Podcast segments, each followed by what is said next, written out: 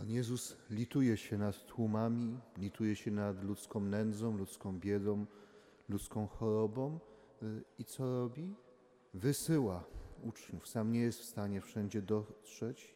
Wysyła uczniów, aby oni nieśli Ewangelię, aby oni zwiastowali radosną nowinę. Dlaczego to takie ważne?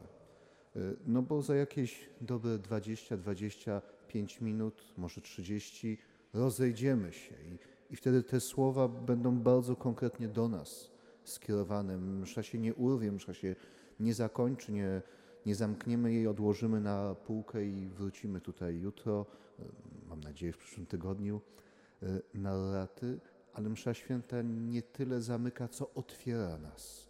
I otwiera nas tym posłaniem. Idźcie do owiec, które poginęły. Tam nie pójdzie ktoś inny, tam nie pójdzie jakiś e, superbohater, tam nie pójdzie jakiś e, specjalny wysłannik. Wy idźcie.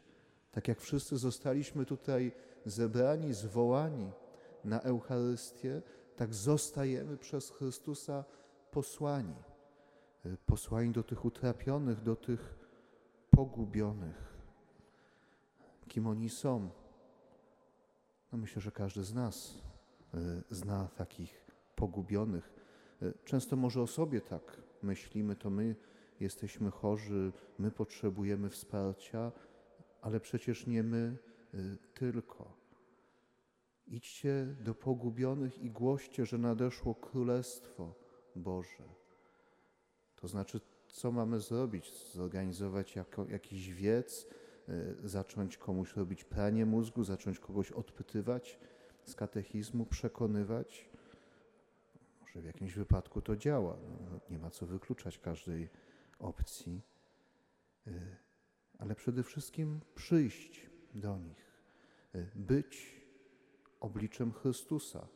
To, w czym tutaj uczestniczymy i, i skoro znaleźliśmy się dzisiaj o tej porze, to znaczy, że dzieje się tutaj dla nas coś ważnego, że wydarza się coś ważnego, kimś ważnym się karmimy, a więc mamy się kim dzielić.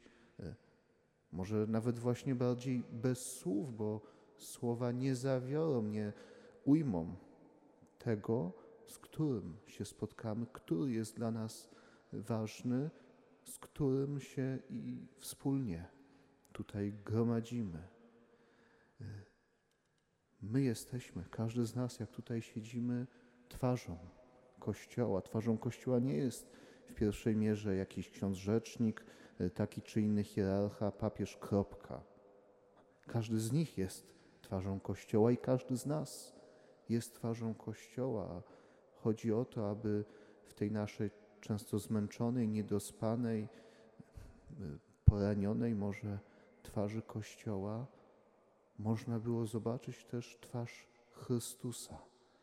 Tego Chrystusa, którym się tutaj karmimy, aby nieść Go, aby był w nas obecny tam, gdzie być może w inny sposób y, nie dotrze i y, czy nie mógłby inaczej dotrzeć. No, oczywiście, że mógłby, jest Panem Bogiem, ale chce być obecny poprzez nas, poprzez nasze życie, poprzez nasze słowa, y, poprzez naszą miłość.